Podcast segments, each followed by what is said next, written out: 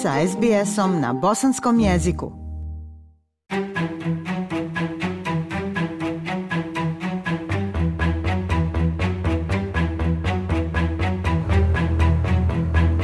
Slušate SBS program na bosanskom. U narednim minutama govorimo o tretmanu ljudi sa demencijom u staračkim domovima. Potez policajca koji je upotrijebio elektrošok na 95-godišnju Claire Nauland u regionalnom staračkom domu u Novom Južnom Velsu šokirao je zajednicu. Istraga incidenta je u toku ali prema izvještaju Debora Grork postavljaju se i pitanja o tome kako se štićenici pogođeni demencijom tretiraju u staračkim domovima. Bio je to incident koji je izazvao pažnju domaće i međunarodne javnosti, napad na 95-godišnju ženu s demencijom koja je nekoliko dana nakon incidenta umrla. At the time she was in a room.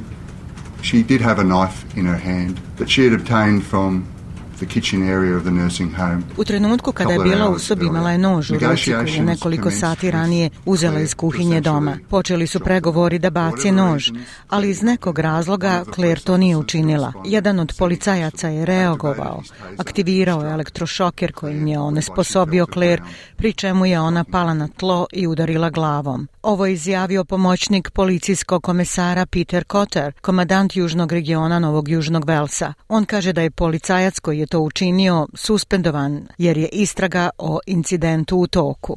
No officer, not one of us, is above the law and all our actions will be scrutinized robustly Nijedan službenik, nijedan od nas nije iznad zakona, a sve naše radnje bit će detaljno ispitane i iz kriminalne perspektive, kao i iz perspektive odjela. Istragu vode odjel za ubijstva i komisija za profesionalne standarde policije Novog Južnog Velsa, koju nadgleda nezavisna komisija za provođenje zakona. Dok je istraga u toku, postavljaju se pitanja i na drugim mjestima. U državnom parlamentu je pokrenut prijedlog kojim se traži objavljivanje snimke policijske kamere na kojem se baka onesposobljuje elektrošokom.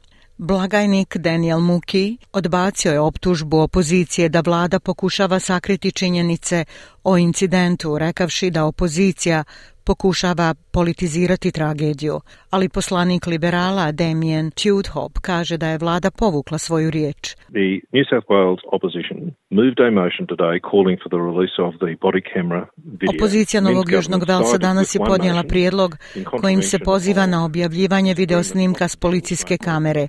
Vlada Minsa stala je na stranu One Nationa kako bi spriječila objavljivanje tog videosnimka i na taj način je djelovala kako bi prikrila ministra koji je nestao u akciji. Na drugim mjestima postavljaju se šira pitanja, odnosno kako se zbrinjavaju rezidenti s demencijom. Policijska komesarka Karen Webb rekla je da nije uobičajena praksa da se policija umiješa kada se procijeni da su pacijenti agresivni. We will do with the facts and not speculate. In my experience it's it's quite rare that we would be called to a nursing home. It's not something we come across regularly. Mi ćemo se baviti činjenicama, nećemo nagađati. Po mom iskustvu, prilično je rijetko da nas zovu u starački dom. To nije nešto s čime se redovno susrećemo. Konsultant za brigu o starijima Paul Sadler kaže da je stopa intervencije policije u staračkim domovima složeno pitanje na koje treba odgovoriti we are obligated uh, via mandatory reporting to report all allegations or suspicions of assaults.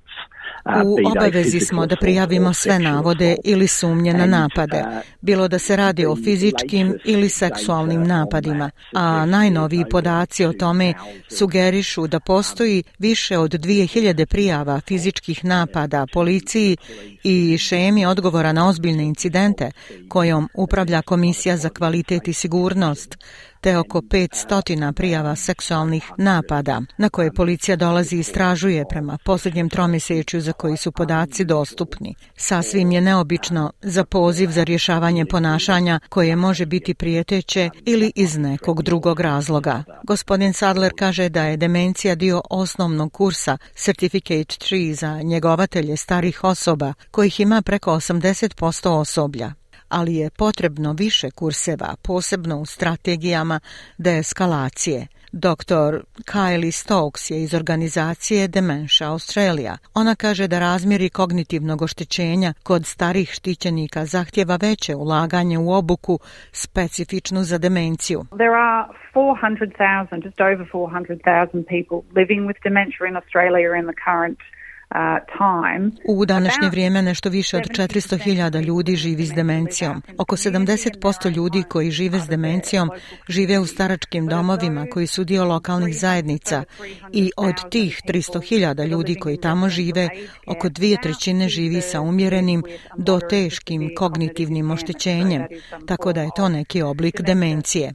Kraljevska komisija izrazila je zabrinutost da se ponašanje koje se smatra problematičnim kod nekih štićenika rješava psihotropnim lijekovima. Paul Sadler kaže da to i dalje izaziva zabrinutost. Because of the Royal Commission's focus and uh, public and regulatory authority Zbog fokusa Kraljevske komisije i fokusiranosti javnosti i regulatornih tijela na to pitanje, većina staratelja postavlja strategije kako bi pokušala smanjiti u osnovi nepotrebnu upotrebu psihotropnih sredstava. Postoje situacije sa istinskim psihološkim problemima vezanih za demenciju, kada su lijekovi prikladan korak i te vrste lijekova imaju tendenciju da se propisuju, ali pacijenti se ne pregledavaju dovoljno često, tako da ostaju na njima dugo vremena i izvan njihove kliničke efikasnosti. Dr. Stokes kaže da bi više obuke moglo pomoći njegovateljima i medicinskim sestrama da bolje prepoznaju kada ponašanje štićenika može ukazivati na osnovnu neliječenu bolest.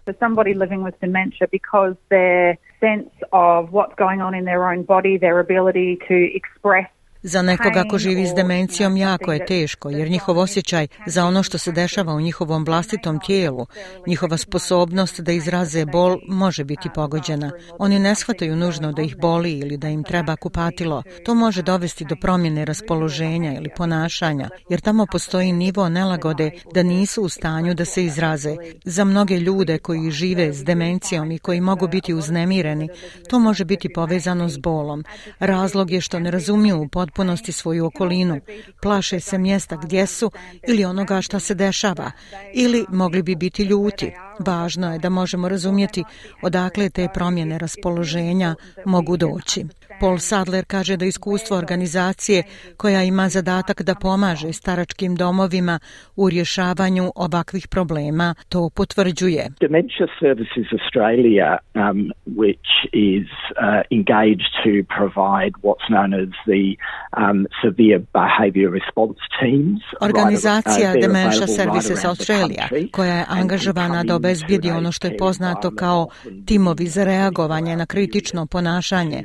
Oni su dostupni širom zemlje i mogu doći u starački dom u roku od 24 sata i mogu pružiti strategije za rješavanje problema. Oni navode da se preko 60% poziva tiče ljudi koji imaju nediagnostifikovanu bol. Dementia Australija želi da obuka za demenciju na višem nivou postane obavezna a policijska komesarka Webb kaže da je otvorena za tu ideju. If in the fullness of this investigation and any other matter, Ako u potpunosti ove istrage ili bilo kojeg drugog pitanja saznamo da moramo bolje opremiti naše službenike, da se bolje nose s pacijentima s demencijom, mi ćemo to učiniti. Ali to nije nešto s čime se redovno susrećemo. Dr. Stokes kaže da se svi koji su zabrinuti za svoje voljene pozivaju da kontaktiraju organizaciju Dementia Australia koja radi 24 sata dnevno za savjet i podršku. We know uh, from some of the calls that we've been receiving that